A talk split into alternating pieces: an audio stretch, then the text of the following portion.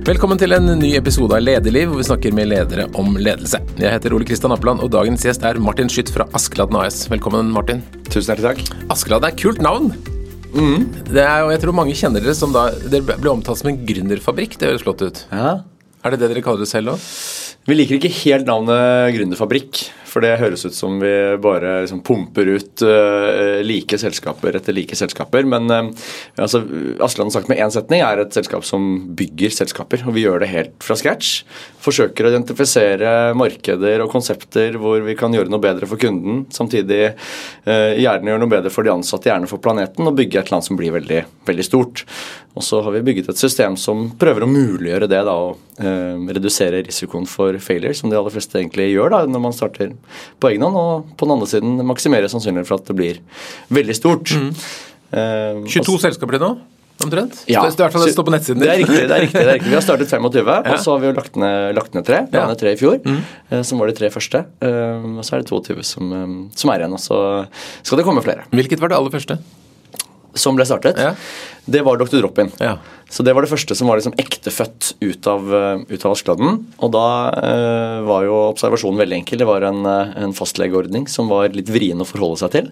Syv dager ventetid for å komme til fastlegen, og da er man enten frisk eller død ofte. Eh, så det ville vi gjøre noe med. Så så vi samtidig at eh, i eh, flere utland så var det en del nye forretningsmodeller som begynte å utvikle seg, som vi kunne se litt til å bli inspirert Da.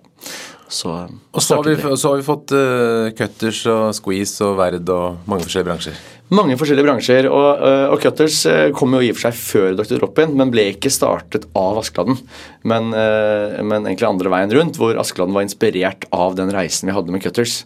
Så vi er seks stykker som startet Askeladden, og et par av de var med helt, helt, helt fra den spede begynnelsen i, Cutters som investorer. Og så kom de, de fire andre på litt etter hvert, og så erkjente vi fort at fader, dette var veldig gøy, og det fungerer veldig bra. Og den samarbeidsmodellen som var med Christian og Andreas, som er gründerne av Gutters, den var veldig effektiv i det at vi hjalp de med å eh, løfte blikket litt på tech og marketing og strategi og analyse osv., mens de var på en måte litt mer nede i grøten i driften. Og den pakken i sum og måten å jobbe på, den, eh, den ble veldig kraftfull. Og da tenkte vi at eh, dette her, det burde vi forsøke å replikere, i hvert fall den måten å jobbe på, og dermed starte selskaper fra, fra scratch. Og jeg har skjønt at den talentet ditt for å drive butikk, det startet ganske tidlig? i Barnehagen? Ja, øh, om det var barnehagen eller når det var, det er jeg litt usikker på, men det var iallfall fra veldig tidlig. Hvor, øh, det første var vel noen, øh, noen blomster og noe altså Det, var, det har vært mye, da. Det har vært alt fra blomster, sykler, PC-er, mobiltelefoner. Helt fra jeg var veldig, veldig liten. Har du vokst opp i en kremmefamilie?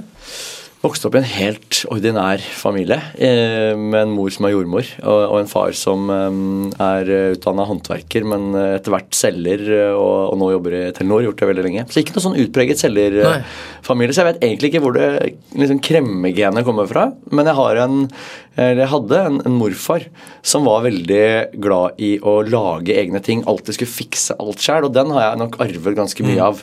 Den med at det er faktisk fullt mulig å ta ting i egne hender. Og eh, det syns jeg veldig fort ble gøy også inn i en, en forretningsverden, hvor det var mulig å eh, Det var kanskje ikke pengene som var poenget i seg selv, men det også var en liksom, artig bieffekt når jeg da var, var ganske ung og kunne sikkert ikke sant, kjøpe noen is og brus ekstra til meg og vennene mine. Også. Men du starta med business på, i russetiden og sånn òg? ja da. Så vi hadde, jeg og en, en kompis som heter Anders, vi eh, var med på den samme russebussen. Og så at eh, der fremme om et års tid, når den russebussen skal bli et faktum, så har vi et finansielt problem. Det har vi ikke råd til, rett og slett. Og hadde noen deltidsjobber og sånt, men det var liksom, ja, det, det kom til å bli dyrt. da. Så eh, han fant noen sånne eh, da superfancy, nå er vi jo 2006-2007, eh, mobilklokker eh, som vi kunne importere fra Kina importerte en, en haug av de, solgte videre, tjente ganske bra med penger på det. Ok, Kommet oss litt nærmere den der suksessen på å finansiere russetiden. Eh, og så satte vi det i et større system, bygde en nettbutikk. Hadde mange tusen varelinjer. Um, og en nettbutikk hvor vi da eh, programmerte alt selv. Vi, ingen av oss kunne jo kode, men lærte oss, eh, lærte oss det. Og den nettbutikken ble med, ble med oss i, i årene også utover i studiene, som vi hadde som litt sånn side, sideprosjekt. Så kult. Mm. Men nå ble den borte. Den er borte. Nå er den borte. Den ble, vi, vi solgte den. Det var ikke noe exit med stor uh, bravur, men eh, vi solgte den til, eh, til eh, noen som ville overta når Ja. vi ikke hadde tid til det lenger. Og så ble det mm, siviløkonomutdannelse. Helt riktig. Gikk på, gikk på NHH. Altså, det var jo veldig gøy å drive butikk eh, på videregående og alle de andre prosjektene, men jeg tenkte at um, hvor er det man kan bli enda bedre på å drive butikk? Jo, det er uh, Handelshøyskolen i Bergen. Uh, og der uh, var jeg egentlig klar for fem år på lesesalen, men skjønte jo fort at det er studentforeningen som gjelder. Eh, og den studentforeningserfaringen, den, eh, den, har jeg tatt på meg i, i, alle årene. Det er der jeg leser på CV-ene når folk søker jobb her. Helt riktig. Det samme, det samme gjør vi. Eller iallfall kombinasjonen av liksom evnen til å levere på det akademiske, men også i studentforeningen. Det, Hva lærte du av det studentarbeidet? Altså Ett uh, ord er engasjement. Det er kanskje det viktigste ordet. Og, det, og jeg ble helt sånn blåst av banen og ser liksom her Her er det Det er liksom noen tusen mennesker som, som går på NHH de aller fleste er med på et eller annet. Det er ingen som tjener noe penger. Det er bare for gøy. Men man bygger likevel svære greier. Det er store organisasjoner, det er store prosjekter og festivaler og eh, konferanser osv. Og det var bare Wow, er det mulig å liksom, få folk til å uh, ha det gøy med å gjøre og liksom, legge ned så mye arbeid? Um, så det er kanskje det viktigste. Og det er liksom få den erfaringen at um, det er faktisk mulig, og det engasjementet er så ekstremt mye verdt. Det er liksom paradoks at det er vanskelig i næringslivet med penger å få like mye engasjement som du får i en frivillig ja, ja. virksomhet? Ja, og det, det, det, det, er kanskje Det er vel antageligvis noe, noe, forskning bak at det har en litt sånn invers effekt også. Du, det er det samme som hvis du Husker jeg fra NHH, da vi hadde et fag om insentiver, så øh, er det sånn at hvis du begynner å betale folk for å gi blod, f.eks., så slutter de å gi blod. For jeg, jeg skal ikke kjøpe blodet mitt for 50 kroner, liksom. Det er det ingen som gidder. Uh, eller når folk, eh, Det er noen barnehager som har sånn bot for å hente for seint. Ja, da er det jo mye flere som henter for seint. Da kan du betale. Da blir det en transaksjon i stedet. Mm, det er fascinerende. Så ja, det er nok noe med det. Hva koste du deg mest med på studiene? Det var helt klart Studentforeningen. Mm. Ja, ja. 100 um, hadde, Var involvert i en fem-seks eh, ulike studentforeninger. Startet også en som nå er, som nå er en av de største studentforeningene i, eh, i Bergen. Hvilken er det? Bergen Challenge heter det. Det er en studentidrettsfestival. Vi, eh, jeg og en kompis hadde vært på en, et lignende arrangement oppe i Trondheim. Satt på flyet på vei tilbake og tenkte er en skam at ikke NHH har dette arrangementet, vi også. Mm. Og startet ut og skulle bli større enn de. Eh, ble det i løpet av eh, noen års eh, arrangementer. Og det lever veldig bra videre fortsatt, men det var liksom det store, store prosjektet da, på, på, NHH med ja, flere tusen deltakere og en organisasjon på, på 450 mennesker eller noe sånt. Så var, ja. Og bare for å fullføre det med utdanning, så har du også gjort litt sånn gründerutdanning? Jeg var på gründerskolen som en, en, del av eller som en utvekslingssommer mm. um, der. Um, hvor jeg var i Singapore og jobbet i noen uh, oppstartsbedrifter. Uh, og hadde noe sånn kurs med Innovasjon Norge og litt sånn uh, der nede. Men det var, um, det var nok engasjement og folk jeg lærte mest om der også. For det var mye fest og moro og engasjement der også. og så ble det da det McKinsey som vel er alle NHO-studenters drøm? Det vet jeg ikke om det er, men det er høyt på lista for mange, det er det. Ja, ja det er det. Hvordan var det? Men McKinsey var helt, eh, det var helt supert. Eh, planen etter NHH var jo egentlig å, å bli gründer. Uh, og så kom jeg jo, som man gjør, da, i, i kontakt med, med, med McKinsey og, og, og, lignende.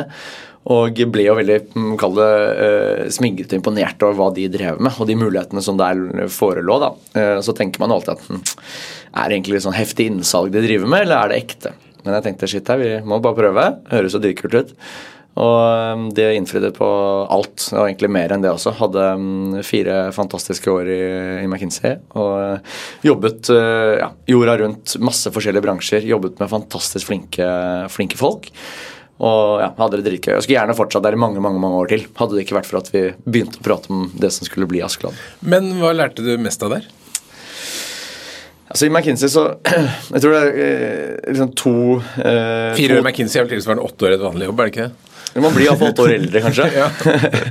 Nei, jeg tror, jeg tror, det er to, eh, to hovedting. da. Um, det ene uh, handler om en, en del uh, Kall det verktøy og rammeverk og liksom måte å jobbe på som, eh, som, er verdifull å ta med seg, som gir struktur og en effektivitet i, i hverdagen og i måte prosjektledelse i etterkant, som er en litt mer sånn teknisk kompetanse. som er veldig... Mm, altså, er det et slags malverk, på en måte?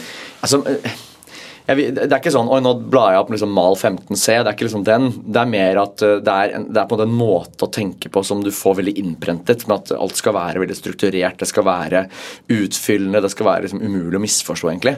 Og den, det gjør at man Ja, det er masse rammeverk, men det er egentlig på en måte en uendelig mengde rammeverk som man da kanskje bruker liksom automatisk på et eller annet vis etter at man har vært der i, i noen år. Så det er liksom den ene. Og så er den andre som, som er minst like verdifull, og kanskje enda mer verdifull, det er, handler om, om det å gi gass. Som også er en av verdiene i Askeladden. Bongass er en av verdiene eh, i Askeladden. Og eh, i McKinsey så jobbes det hardt. Og det er, når du kommer inn der, så er man jo forberedt på å jobbe hardt, men så ser man også bare hvor liksom, ekstremt mye man får til ved at flinke folk som ja, de har noe utdannelse osv., så, videre, så er de ganske smarte. Mange av de i hvert fall. Eller de aller fleste som jeg har jobbet med. i hvert fall. Um, og så jobber de bare drithardt. Og da, da, får til, da, får man til, veldig mye.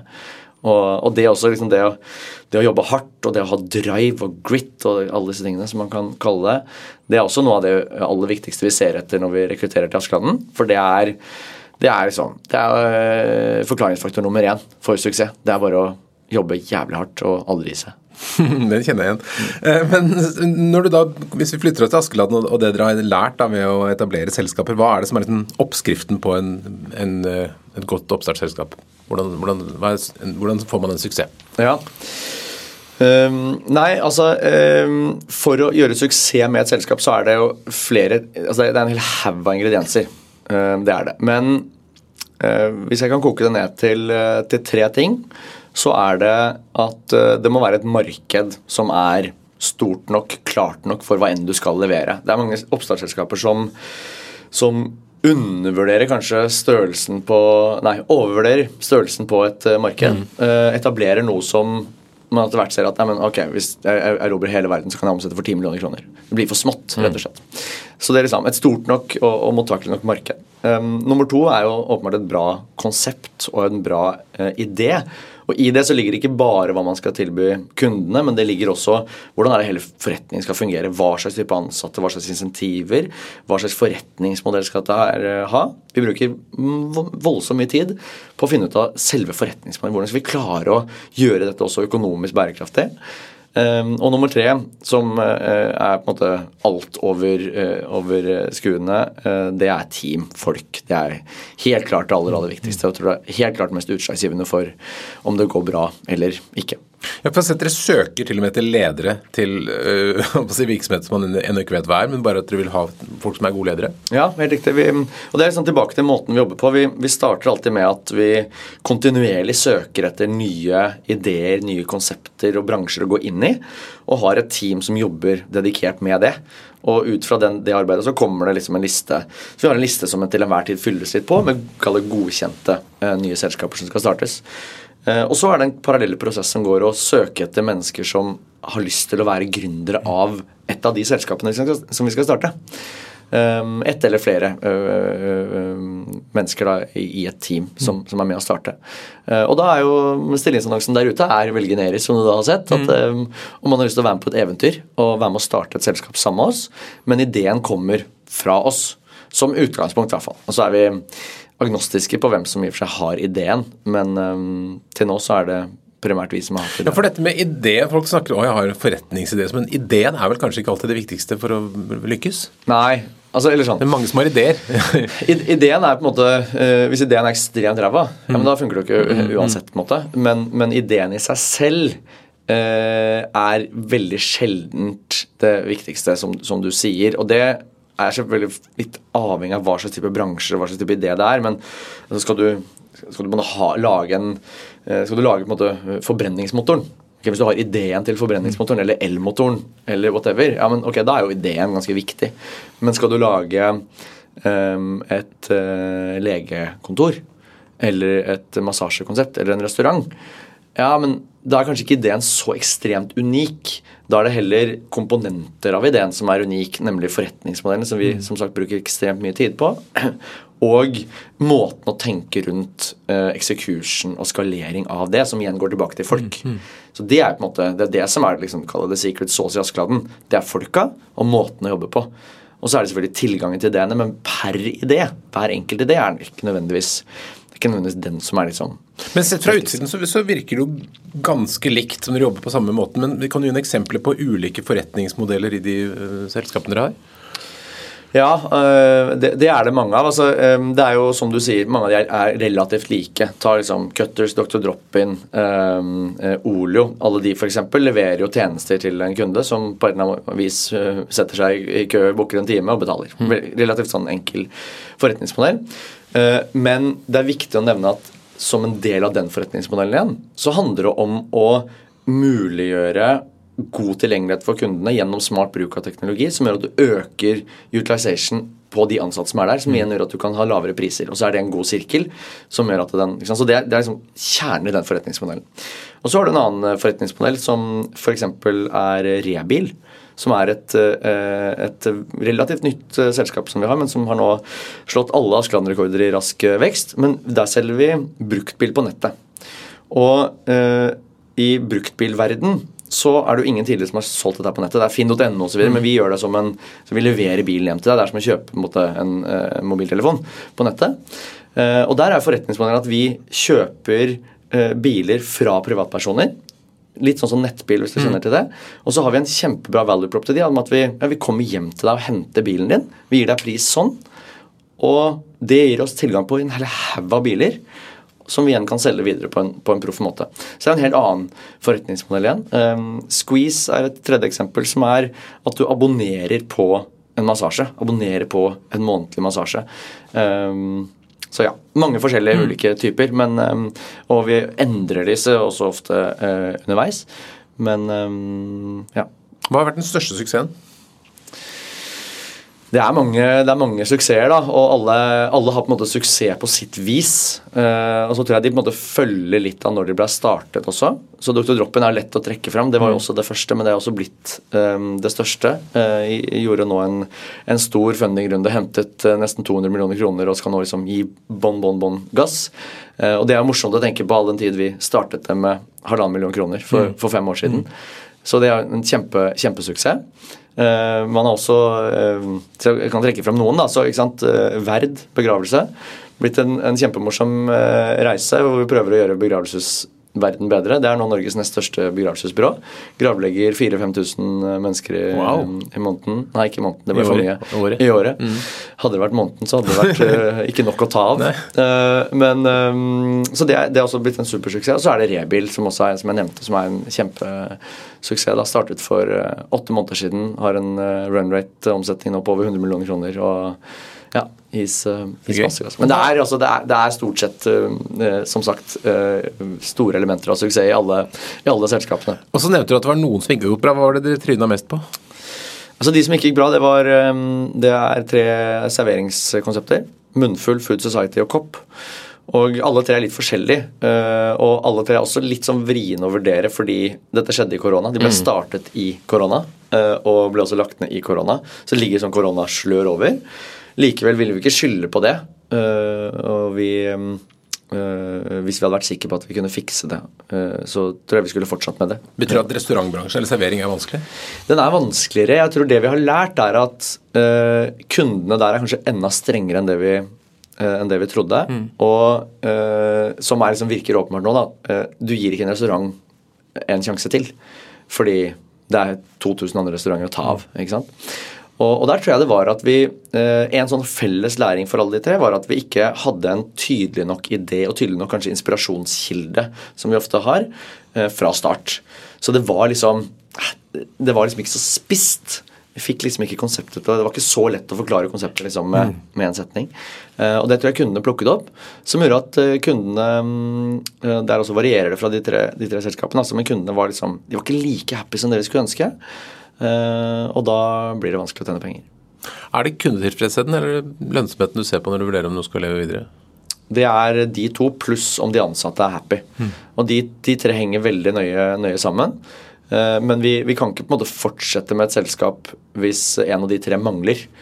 Eh, og vi har en sånn formell review etter at en, en, et selskap har vært etablert en liten periode. Så ser man er kundene nå så happy som vi vil. Tjener vi penger, eller klarer vi å si at hvis på et eller annet tidspunkt klare å tjene penger. Eh, og er de ansatte tilfredse. Det er de tre, altså. Men dere holder dere på forbrukermarkeder, ikke noe business til business? Jo, vi går stadig mer inn i, til business. Til business og det, det eh, vi, vi har, De fleste selskapene, som du riktig sier, er B2C-selskaper. Og det handler bare om at det er lettere å både bli utsatt for eh, ideer ja. fordi man selv er en konsument. Men så ser man jo at i alle selskapene så er på en måte B2B-leddet det er like uh, uproft ofte som B2C-leddet. Ta uh, begravelse som et eksempel. Mm. hvor vi, når vi kom inn i det, så skjønte vi at uh, i Norge så er det f.eks. en monopolist på kister som gjør at kisteprisen i Norge er helt hinsides. Koster liksom titalls tusen kroner for de, de liksom vasseste kistene. Mm. Helt grusomt. Og uh, som resultat av det blir konsumentene ripped off. da. Så vi ser at det er masse B2B-potensial i det, Eh, bak alle, alle selskapene. Og det har inspirert oss nå til å starte noen B2B-selskaper. Så vi har, et, eh, vi har to stykker nå. Et regnskapsselskap mm. som heter Randi. Uh, jeg tenkte det var et fint navn på, ja, på en klassisk regnskapsfører. Uh, og um, et selskap som heter Swash, som skal levere Det er sånn hybrid B2B, B2C, som skal være en slags uh, Easy Park for vaskehaller. For bilvaskehaller. men hvor det er altså innsalg til disse vaskehalleierne er da et viktig, viktig element. Men, Så bra. Dere har kule navn. Jobber dere mye med navn på konseptene? Masse. Det, er, det overinvesteres i i starten. Og eh, Det er ikke så viktig for oss at de er kule, nødvendigvis, men eh, de må appellere på et eller annet vis til de assosiasjonene som vi ønsker at eh, brandet skal ha. da. Hvordan jobber du for å teste eller finne ut hva som er riktig? Vi med, der, der, jobber vi med byråer, så det, det, gjør vi, det gjør vi det er en av, altså vi, vi gjør ganske mye inhouse. Det aller aller meste av tech og marketing og, og finance og veldig mye. Men akkurat på profil og navn og så, videre, så jobber vi med byråer. Og, eh, og, der eh, handler det om å altså I akkurat navneprosessen så er det på en måte en, en, en stor prosess med bare endeløs brainstorming om å få opp eh, kanskje 50 ulike navn på, på tavla og, og uh, koble de assosiasjonene vi, vi ønsker til de, til de, navnene, da, og se om det flyr. Og så har man alltids en, en, en, en, en intern uh, test, hvor vi har nå etter hvert et, vi har et system hvor det er 160-70 mennesker på tvers av både Askeladden og, og, de ulike selskapene, og så kan man jo spørre alle de hva er det dere mm. tenker, liksom. Uh, og så etter en av det så, så må man bare ta noe. Jeg tror det er det samme som uh, jeg, får en datter nå om um, nummer to om, om, noen uker, og jeg vet ikke hva hun skal hete. Uh, og har jo står mellom noen navn, men så tenker jeg at vi blir glad i den eh, jenta uansett. Og Når du ser og, henne, så tenker du at hun skal hete det. det ja, ikke sant? Plass, ja. Det sant. Så, så, så, navnet på en måte det, det, At the end of the day så har det ikke så mye å si. For det er du som skal jobbe med å knytte de riktige assosiasjonene mm. til det navnet for, for kundene. Men litt tilbake til ledelse. Disse, når du da leter etter folk som skal lede et nytt uh, selskap, enten da er andel skal vise hva som helst, hvilke egenskaper er det du ser etter? Det er en liste med flere egenskaper, men den aller viktigste det er den som jeg var innom i stad også, som heter uh, drive. Mm. Grit. Evnen til å gi bånn gass, ikke gi seg, uh, fordi en gründerreise er seig. Mm. Og den er Det er, altså det er, en, det er en voldsom det er en voldsom rollercoaster å, å være gründer med masse topper og masse bunner. Man må evne å, å stå med dritt i halsen. og likevel Men Hvordan ser du det? For alle, sier sikkert ja, jeg er kjempeflink til å stå på sier alle intervju, men altså, hvordan, hvordan, ser du det? Ja, Nei, og, og det er jo eh, det er en ting som er, det er jo litt vanskelig å teste, ikke sant? som du er inne på. Um, vi ser jo da etter Vi kan I McKinsey så var vi også veldig opptatt av å se etter drive. Det var også en av de aller viktigste tingene.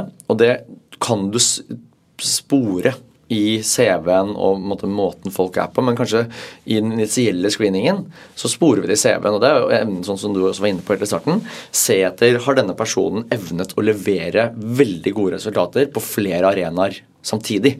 Og det kan være enten at du har vært, fått veldig gode karakterer samtidig som du har eh, drevet med et eller annet sideprosjekt, vært aktiv i studentforeningen, drevet med politikk, drevet med toppidrett, whatever.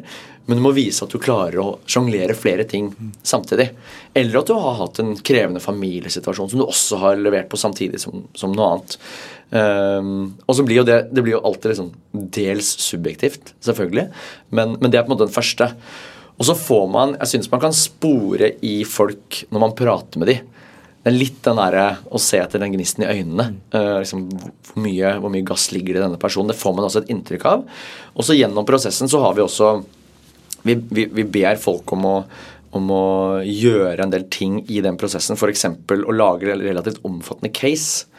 Å svare på noen caseoppgaver som vi gir de 24 timer på. Så det er mulig å på en måte bruke 24 timer og Mm. døgnet. ikke sant? Og det gjør vi jo ikke for å se hvordan de leverer på det caset. Det gjør vi for å se om hvor mye drive har de, hvor lyst har de på dette her. Kommer de nå til å sitte gjennom natta og, og, og jobbe med den oppgaven? Hvilke andre egenskaper enn drive ser du etter? Ja, da er det um, Ja, den er som sagt den viktigste. Og så er det uh, Det er uh, lederskapsevner, åpenbart. Uh, vi rekrutterer mye unge folk, så det er litt vanskelig ofte å liksom veld, liksom få veldig sånn velreflekterte svar rundt de tingene. Men, men da er det på en måte ledelse skråstrek people skills. da, At du er liksom en ålreit person å, å jobbe med. Det er noe med kommersielle evner, superviktig eh, som, eh, som daglig leder.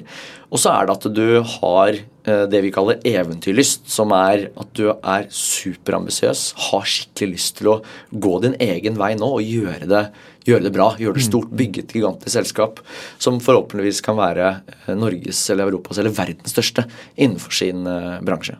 Er det mange av de som begynner hos dere som har vært gründere før, som har prøvd å starte virksomhet? Eh, veldig få. Veldig få. Eh, de aller fleste eh, har jobbet i noen år og, eh, og har lyst til å teste seg som gründer, men vet ikke hva de skal starte. og det er også årsaken, altså 20% av Norges befolkning cirka, sier at de har lyst til å starte noe. Bli gründer. Og så er det bare noen få prosent som en eller annen gang i løpet av livet prøver det. Så du har et gap der med ganske mange mennesker som har lyst, men aldri gjør det. Og så sier de at årsak nummer én er jo at de mangler en idé. De, okay, hva skal jeg starte for noe? De mangler cash, de mangler kompetansen. Og vi på en måte byr på alt det. Det er jo litt av Askeland sitt eh, konsept. Eh, så da tiltrekker vi oss mennesker som kanskje har sittet på en eller annen sånn gründerønske. Og um, som sagt, eh, gjerne noen som har jobbet i liksom noen år, men også, også mer, eh, mer erfarne. Men, men eh, ikke veldig mange gründere. Og ved å komme inn i systemet deres, så får de da en håper å si, en veldig hjelp til å bli løftet frem. Ja, altså, um, Vårt konsept består jo da at uh, du kommer inn som, som daglig leder for et nytt selskap. Da har vi altså da, da er det jo en en haug med arbeidsoppgaver som skal settes i gang for å, uh, for å uh, lande på det som etter hvert skal bli lansering av et selskap.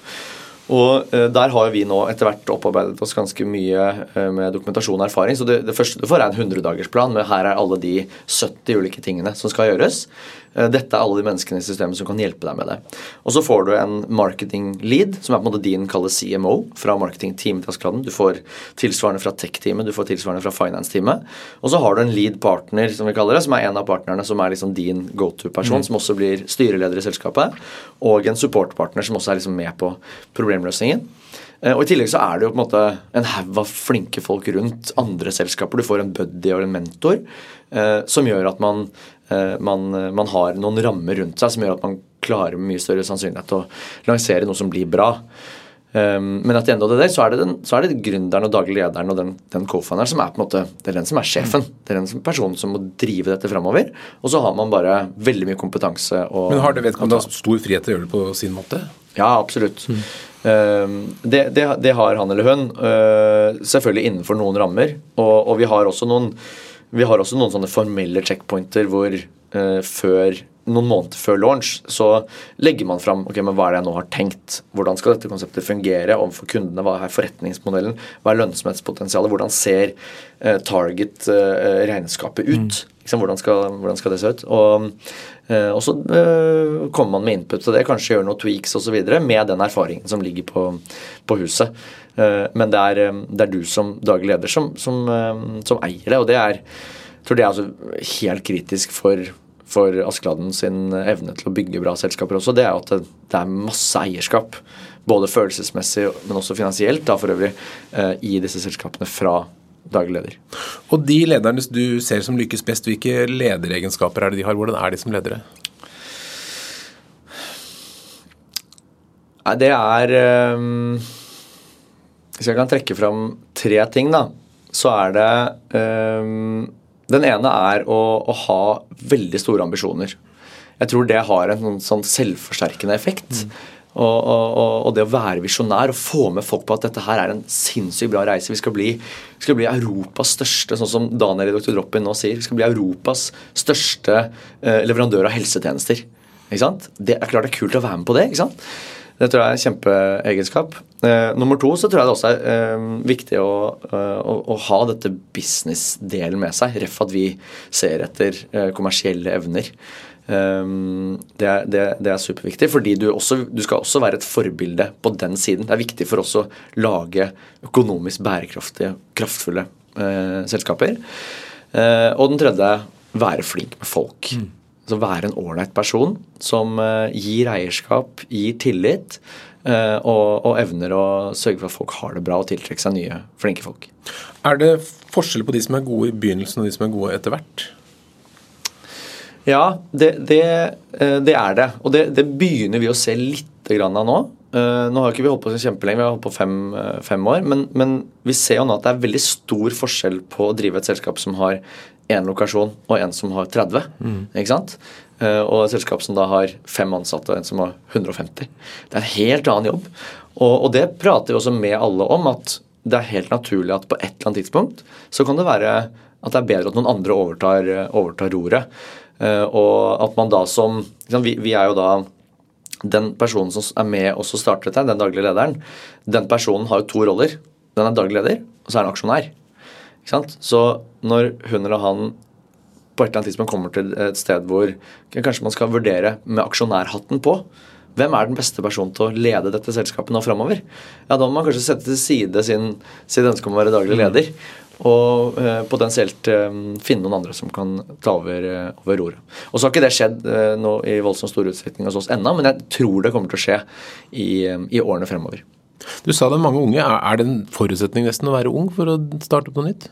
Nei, på, på ingen måte. Uh, det, nei, det, det, det, er det ikke. Og vi, vi, vi, screener ikke på alder, det gjør vi ikke. Men det vi Jeg tror det går tilbake til, til den driven og, og, og sulten. Og at vi, det er på en måte det viktigste. Og så uh, er min erfaring nå, eller vår erfaring nå, at den Vi får i hvert fall flere unge mennesker som kommer til oss, hvor det er lettere å spotte den driven og mm. sulten. Mm. Men har du folk på 50-60 år som vil lede en startup? Ja. Mm. Mange av de som søker, og vi prater med masse av de. Uh, og så um, uh, er det foreløpig ikke noen av de som har kommet igjennom. Uh, og det, det, handlet med, det, handlet om drive. Om sult. Ja. Om sult. Og det mm, Ja. Det, det, er liksom Jeg vil ikke generalisere, uh, men uh, erfaringen har fått det har vært litt mer sult i de mm. unge. Og så er det jo selvfølgelig jeg tror, altså, Vi er jo et ungt miljø. Jeg tror det naturlig tiltrekker seg unge mennesker, som gjør at det er sikkert 30 ganger så mange under 50 som mm. over 50. Mm. som har sagt. Men du, eh, som vi vet, så er det jo det er veldig mange som har lyst til å starte opp selskap, som aldri gjør det. Og så er det mange som gjør det og ikke lykkes. Hva, hva tenker du er årsaken til at folk eh, ikke klarer seg? Nå tenker jeg ikke på dine, men andre. Ja, Nei, altså, vi, Man vet jo fra statistikk at årsak nummer én til at startups feiler, det er at noen lager noe som ingen vil ha. Feiler på å gjøre kundene happy, rett og slett. Og det det opplever vi også ganske mye når vi er ute og prater med folk som potensielt har lyst til å starte noe, men ikke helt vet. Så stiller de så voldsomme krav til innovasjonshøyde. At det skal være så voldsomt oppfinnsomt. Der har vi en helt annen approach som heter jeg driter om det er en oppfinnelse. Jeg vil helst ikke ha en oppfinnelse. Vi vil ha en, gjerne en innovasjon. Det trenger ikke være en innovasjon overfor kundene, men så lenge det er en innovasjon på forretningsmodellen f.eks. For eksempel. det eneste jeg bryr meg om, er om du flyr med kundene og om vi klarer å ha en forretningsmodell som tjener penger, at vi klarer å slå konkurrentene våre og tiltrekke oss flinke folk. Det er det eneste som betyr noe. Um, så det, det, er, det er iallfall én. Og så er det en klassiker med uh, å få tak i folk uh, og få tak i penger. Så jeg tror det er de tre som er liksom hoved, mm. hovedårsaken. Da, tror du folk også undervurderer arbeidsmengden?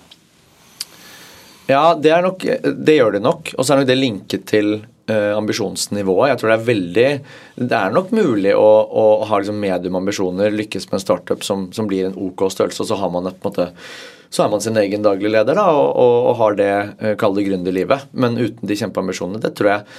Men, uh, men jeg tror hvis du skal bygge noe som blir svært, og har kjempestore ambisjoner, så må du være klar for å blø ut av ørene altså, for å, å jobbe på. Mm -hmm. Nå har dere, Dette ligner jo eller Dere starter bare på scratch, men det finnes jo også oppstart, altså selskaper som kjøper seg inn og får fart på etablerte virksomheter. Har du vurdert å gå inn i noen etablerte virksomheter og få fart på det?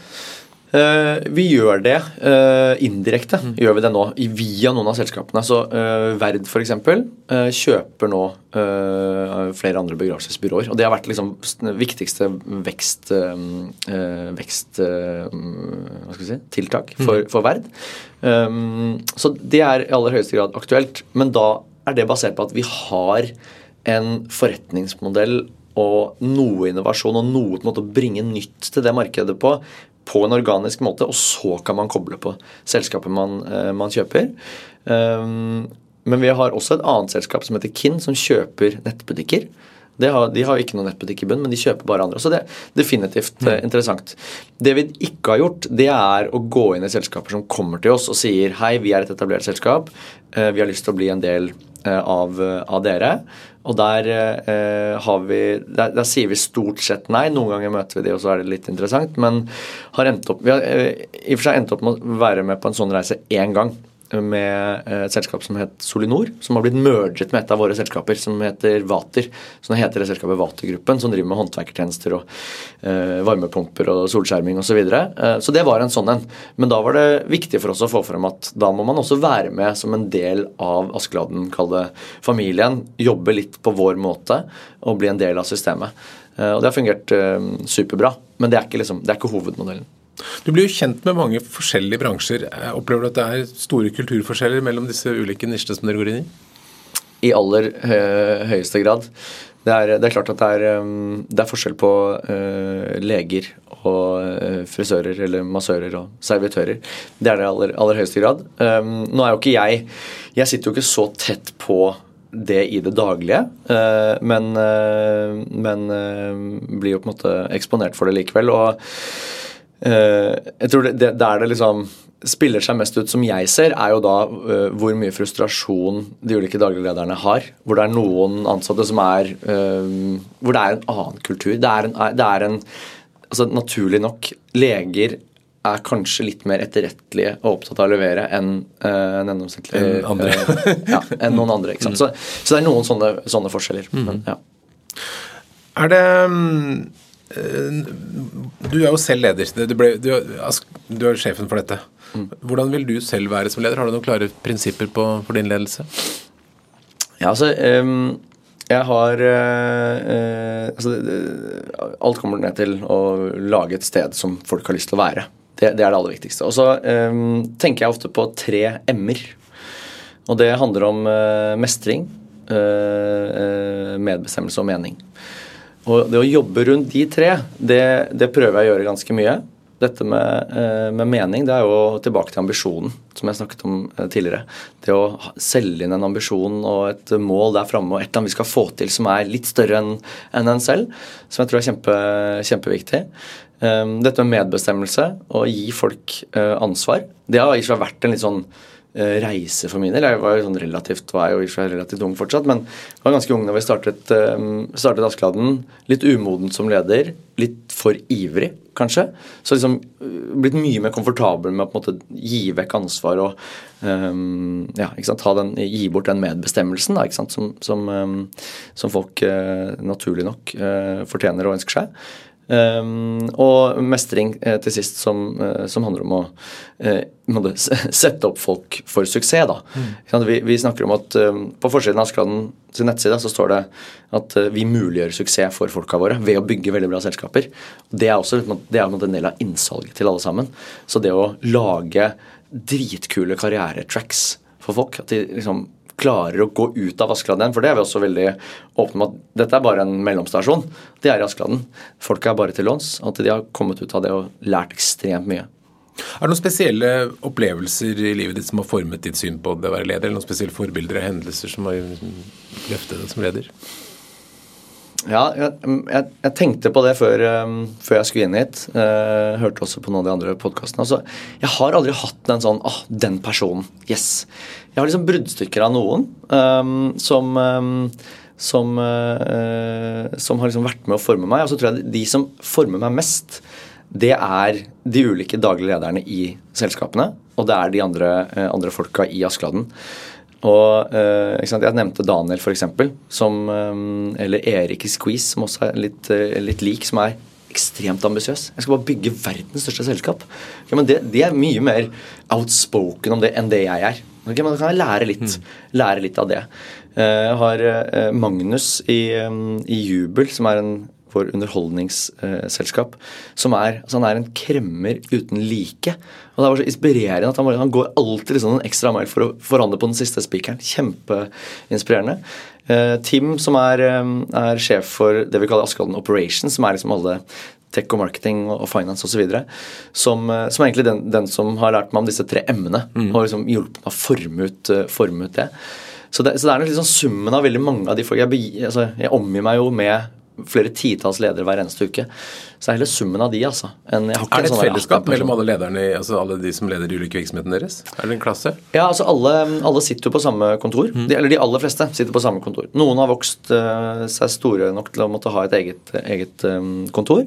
Uh, men alle sitter som utgangspunkt sammen. Uh, vi har flere forumer, både formelle og uformelle, hvor folk møtes og prater om ledelsesutfordring, andre utfordringer, feirer seire og, mm. og, og, og ler av de feilene man har gjort og, og deler det. Um, og, eh, og, så ligger det en, en, naturlig sånn delingskultur i bunn, i det at alle også investerer i hverandres selskaper. For også å insentivere til at man hjelper hverandre å bli, bli bedre. Da. Så um, ja, opplever jeg høyst Hva er det du tenker mest på? Liksom, er det noen problemer, noe du grubler på i jobben? Ja, det er masse. det, eh, det, er, eh, det er alltid et eller annet dritt som skjer. Og det en, er vel en erkjennelse som har kommet mer og mer de siste par årene. om at Etter hvert som liksom størrelsen har, har, økt, så er det alltid et eller annet som går mm. galt. Og det opplever jeg også at alle de ulike daglige lederne opplever. Så det der, sant, tilbake til den driven og gritten. Og det å være gründer, det er å stå med dritt i halsen og, og liksom takle det og få energi av det. Det må man gjøre. Ehm, så er det ja, en, en, liksom, en, rekke utfordringer. Det er selvfølgelig eh, diverse personalsaker eh, som, som alltid går veldig, går veldig inn på meg. Hvis folk ikke er Eh, folk ikke er happy eller den type, type ting. og det, det, kan være både i Askeladden og i selskapene. Det, det, og det får jeg stort sett med meg. Liksom, alt renner jo på en måte oppover, som man, eh, som man, er kjent med. Eh, det kan være selskaper som ikke fungerer like bra. Det kan være teamsammensetninger som ikke fungerer like bra. Det er liksom helt endeløs remse. Så jeg er bare sånn, jeg er bare vant til at jeg er tilbake til han Tim, da, som jeg snakket om, sånn de, som jeg snakket om med de tre m-ene. Vi har en sånn Snakker om at må bare regne med at 30% går til helvete hele tiden. Og så må du bare fokusere på de 70 og tenke at ok, men uh, summen her er positiv. Uh, men bare Ja, sånn er det bare. Hva er du mest stolt over av det du har fått til? Det er, uh, det er at det er 160-70 mennesker som er en del av Askeladden og ledelsen i de ulike selskapene, som går på jobb hver dag og syns de har en fet jobb. Mm. Definitivt. Det, det syns jeg er kult. Da er tilbake til det som jeg sa som står på forsiden av eh, Askeland sin nettside. Muliggjøre suksess for folka våre. Eh, det syns jeg er eh, superfett. Hvis du skal gi tre råd til en som skal bli leder, kommer en ung person og sier jeg vil bli leder kanskje i Askelandssystemet, hva er de tre du har, du, har, du har, gitt mange gode råd underveis, men har, vil du sammenfatte de tre gode lederråd? Nå vet jeg ikke om jeg liksom er den beste til å gi masse råd. da. Jeg har ikke, ikke holdt på så lenge som, som ah, leder. Mer enn mange andre. Ja. Men Nei, men jeg skal prøve å, å komme på uh, tre ting. Jeg tror jeg er tilbake til en del ting jeg har snakket om, om tidligere. altså. Um, og um, det ene uh, Det er kanskje tilbake til de tre tingene jeg nevnte på, uh, på hva de beste lederne i Askeladden er. Altså, det er det med å være superambisiøs. Og det er en litt sånn unorsk greie, som kanskje er litt sånn ekkelt å skulle starte et eller annet eller lede noe, så bare Skal jeg være han eller hun personen som er sånn kriseambisiøs. Men bare, bare liksom fri deg fullstendig fra norske forhold. Altså. Bare tenk, ja, men hvordan, hvordan, kan jeg bli verdens største på dette her? Det folk, den reisen har folk lyst til å være med på. Det kanskje, må kanskje være én ting. Uh, en annen ting uh, er dette med folk. da. Være flink med folka dine. Du, du, du, får ikke gjort noen ting uten de folka. Du må sørge for at de sant? Jeg har mine tre m-er. Mm. Finn dine greier som du syns er viktig, liksom, og, og, og sørg for at du har happy folk. Lytt til folka hele tiden. Hva er det de sier for noe? Hva er det som gjør at de, de har, det, har, det, bra? Uh, og nummer tre må være en uh, som er å gi bånn gass, altså. Bare kjøre på. Og du Altså, som sagt, Jeg har jo ikke noen sånn voldsom erfaring med lederskap. Jeg hadde jo ikke det før jeg gjorde noen av de, de tingene her. Og ja, man kommer til å gå skikkelig på trynet, kommer til å gjøre masse feil, og så går det bra likevel. Nå har dere holdt på en fem års tid, og dere har startet 22 selskaper. Hvor mye, mange er det hvis vi spoler tid for ti år frem i tid? Hvor mange selskaper? Ja. Jeg tror um, det, um, det, er jo på en måte ett spørsmål, og så er premisset for det spørsmålet at uh, det er, det er, det vi bryr oss mest om, å starte nye selskaper. og det, Ja, vi gjør det, men jeg tror det, det viktigste er også nå å, å, fokusere på at de selskapene vi har, blir veldig veldig bra. Så Det er jo det vi bruker desidert mest tid på. Fordi det er, en, det er ganske mange selskaper og mange folk. Uh, så om, om, om, fem eller ti år så, har vi, uh, så er de selskapene vi nå har, de er jo i dag i sin liksom spede begynnelse. De skal først og fremst bli skikkelig svære. Men så er vår uttalte strategi å starte tre til fem selskaper i, i året framover. Det blir spennende å følge med på det. Tusen takk for at du kom til Lederliv, Martin. Takk for meg.